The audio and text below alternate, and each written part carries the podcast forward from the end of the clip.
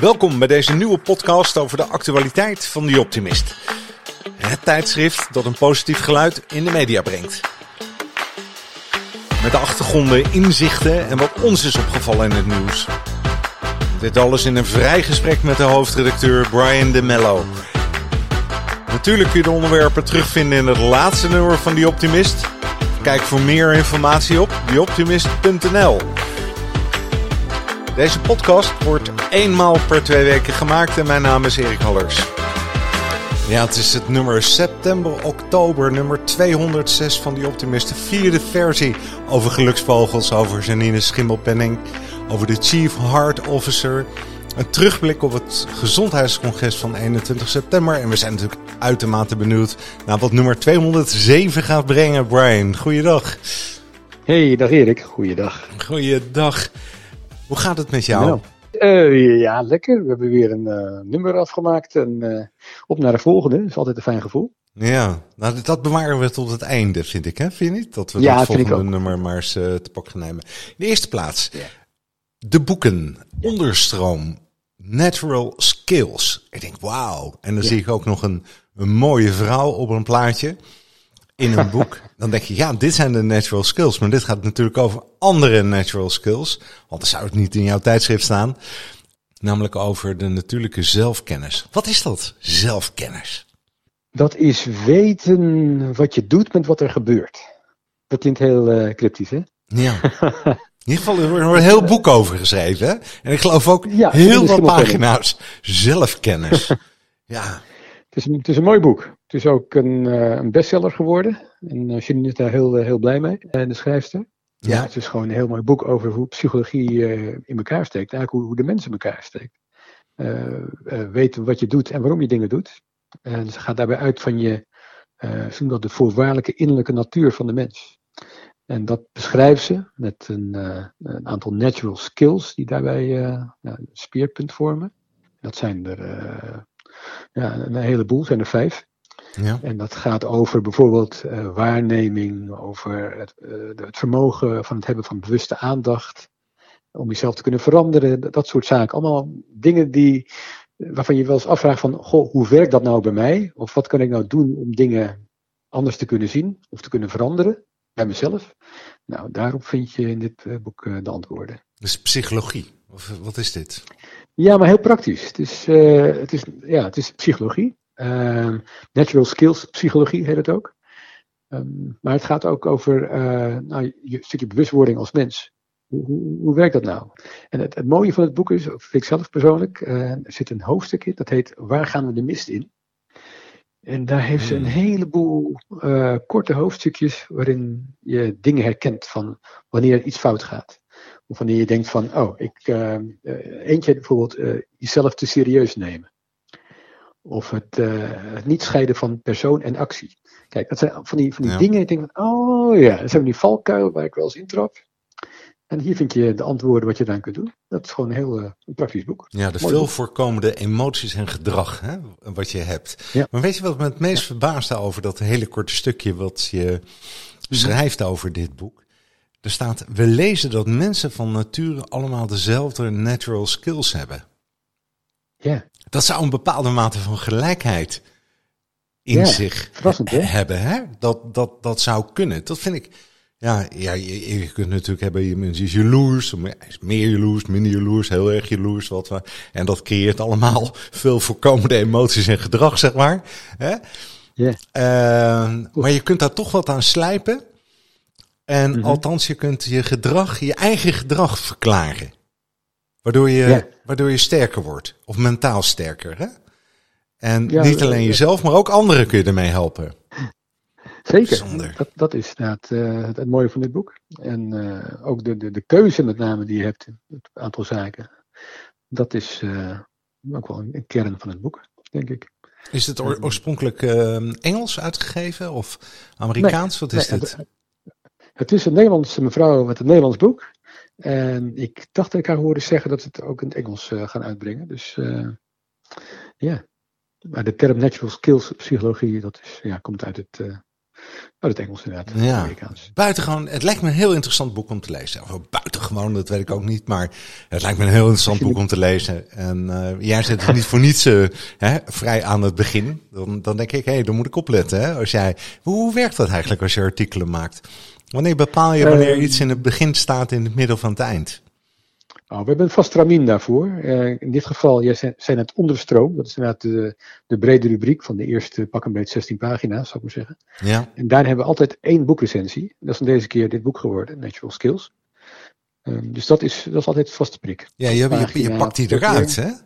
En want je, ja, je bespreekt ja, meer boeken, maar die staan op andere bladzijden. Dat is mijn vraag eigenlijk. Waarom zet je haar deze... daar neer? Of dit boek?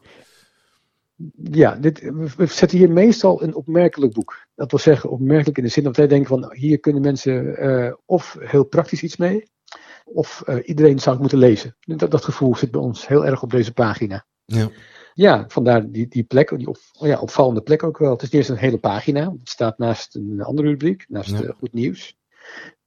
Maar hij, hij springt er wel uit. Hij sprong er meteen uit.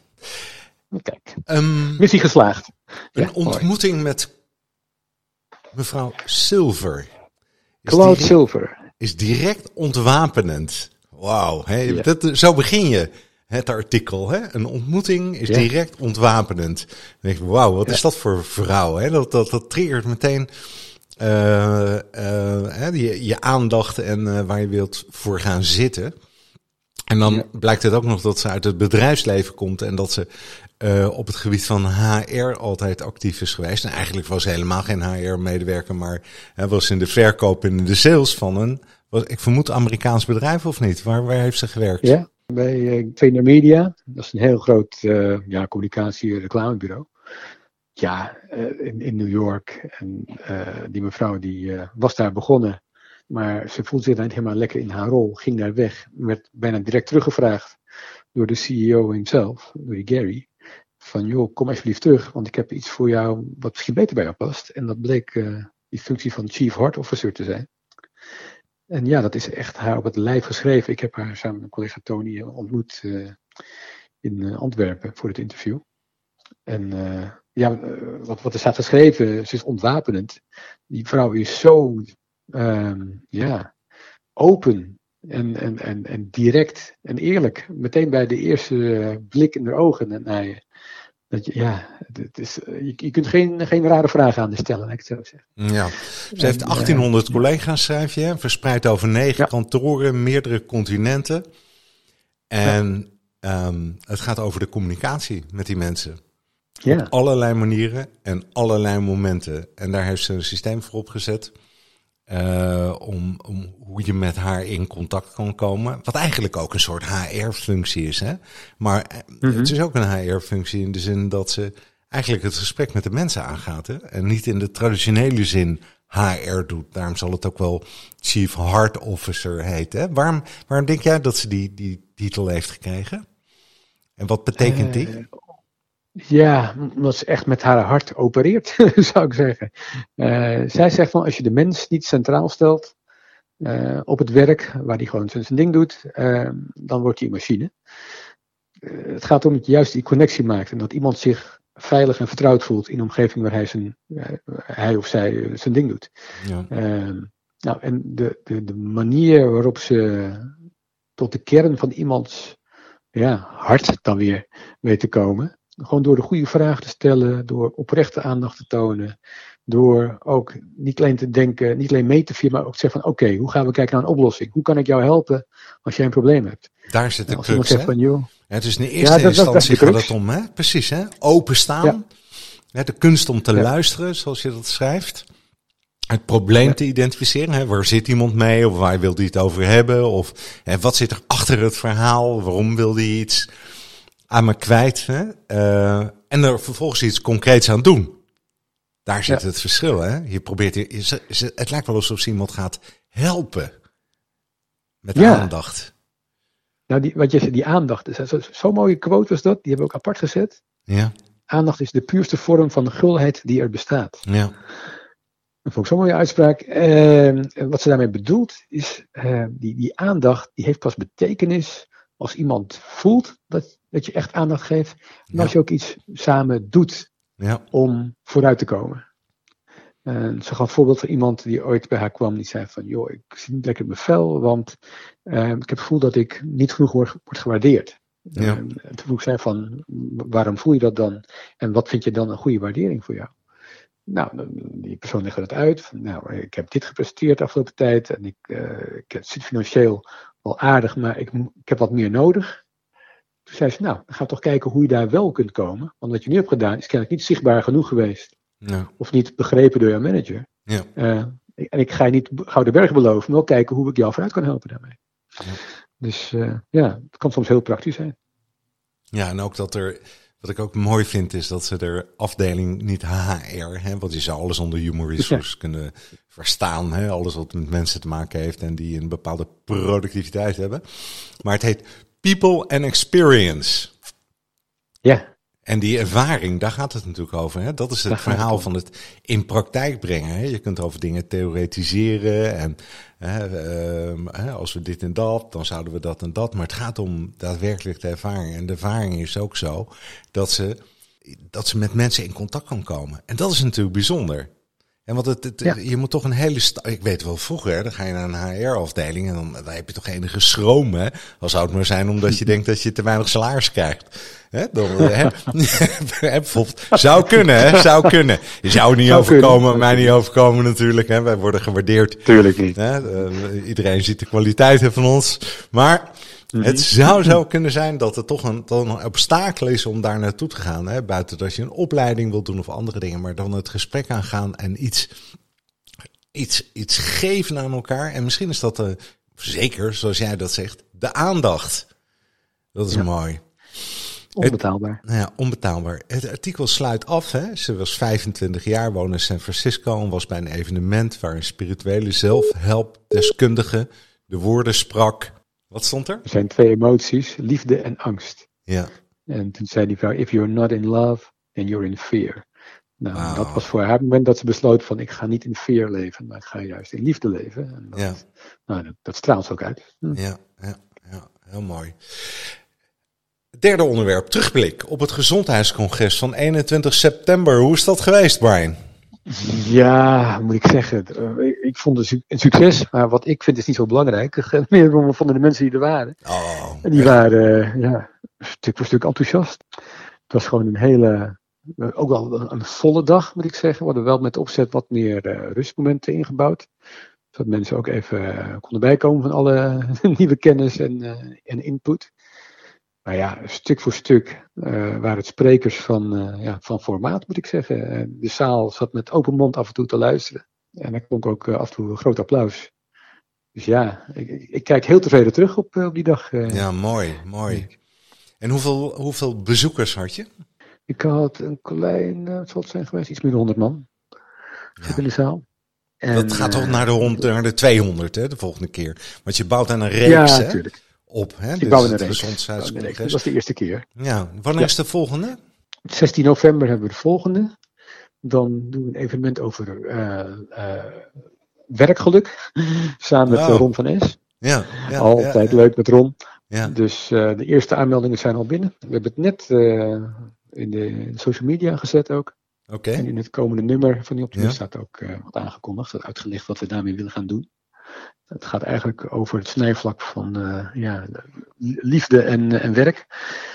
Hoe, gaan we daarmee om in onze maatschappij? En Het houdt, dat heeft een heel breed spectrum natuurlijk. Het kan gaan over inclusie, over, nou ja, over tevredenheid met wat je doet, over de zinvolheid van wat je doet. Ja, tot aan van eh, eh, wat, wat is nou de kern van, van, je, van je werk? Ja. Waarom, waarom werk je überhaupt? Dus eh, ja. Vraag je dat aan mij? Bij jou heeft het geen zin die vraag volgens mij. Maar goed, ik. eh, Heerlijk toch weer zo'n gesprek met jou. Eh, Hmm. Laten we dan maar gaan hebben. Nee, nee. over nee. het thema van de volgende keer. Nummer 207. Brian, had jij ooit bedacht dat je 207 afleveringen van die Optimist zou kunnen maken? Nee, nou moet ik toegeven, ik heb ze niet allemaal gemaakt, maar wel eh, de laatste tientallen. Ja, ja, ja nee, het is 207 alweer. Ja, het, gaat, het gaat hard. Het gaat hard, hè? En, Wat is het thema? het thema is lekker in je vel zitten. Dus vitaliteit, daar draait het om, een groot gedeelte. In dat kader hebben we een aantal hele bijzondere mensen aan het woord gelaten en ook een paar geïnterviewd. En op de cover staat, mag ik al verklappen toch? Ja, mag. Ja. Er staat Marianne Timmer, de Olympische schaatskampioene van weleer.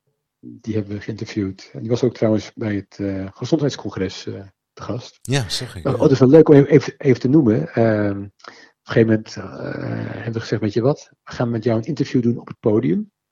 En onze goede vriend en columnist eh, Harry Starre, die gaat dat doen. Dus zij heeft met uh, Harry Starre een minuut of 20, 25 op het podium gezeten. En hij heeft de meest bijzondere vragen aan haar gesteld, kan ik je vertellen. En, een, en, een, deel van, van, die vragen deel kwam uit het publiek. Dus gewoon zei Harry van, nou, dames en heren, hier zit Marianne Timmer. Welke vraag heeft u voor haar die ze nog nooit heeft gehad? Ja. En dat kwamen inderdaad hele leuke vragen uit het publiek ook. Maar goed, Marianne staat ook in het volgende nummer. Met ja. haar kijk op vitaliteit. Ze is zelf heel erg druk bezig nu haar huidige rol met haar, uh, met haar bedrijf uh, op gebied van vitaliteit. En wat doet ze daar? Mensen fit.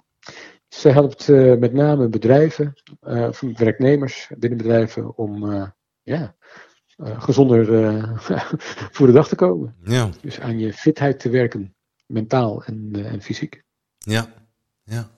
Mooi. En, dat, en het themanummer, um, vertel eens even, hoeveel pagina's is het nummer? Is het nou, want we gaan de kerstdagen in, hè? En november, december. Ja. Dus dat betekent dat we gewoon extra dik nummer hebben. Dat verwacht ik. Nou, die, die nu uitkomt over uh, pak een beetje anderhalve week, die is nog van het normale 100 pagina formaat. Maar inderdaad, die, van, die in december uitkomt, dat is nummer 208, uh, eh, die is een maatje dikker. Dat klopt. Okay. Dus uh, ik zeg maar niet hoe, maar hij is wel iets dikker. Ja, dat nummer dat, dat verschijnt over anderhalve week. Is het al bij de drukker? Uh, ja, ja, ja, as we speak ligt het nu uh, bij de drukker. En, en, en dat gaat dan gepaard met een hoop zweet en, en nachtelijke uren? Of, of heb je dat allemaal uh, goed onder controle? ik heb alles onder controle, Erik, dat weet je toch. Maar het was wel weer een paar nachten kort slapen. Ja. ja. En ben je trots op het nummer? Is net als met je kinderen. Ja, nee, op elk kind ben je, ben je trots. Ja, nee, het is, uh, ja, ja. Kort antwoord is ja. En Schilder zegt natuurlijk, het, eh, het laatste werk, dat is het beste. Uh, het laatste werk is het beste.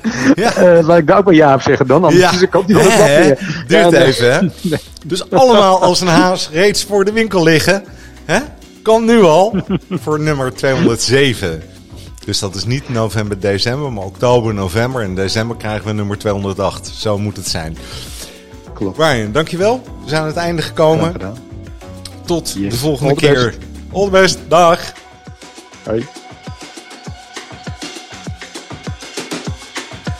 Zo, zo zijn we aan het einde gekomen van deze podcast. De laatste voor uh, dit nummer 206 over geluk, dat is natuurlijk er zoveel over te zeggen. Hè? En zo buitengewoon interessant. Over geluksvogels en pechvogels. Bijzondere uh, artikelen hebben er weer gestaan. Heel benieuwd naar het volgende nummer. Alle goeds.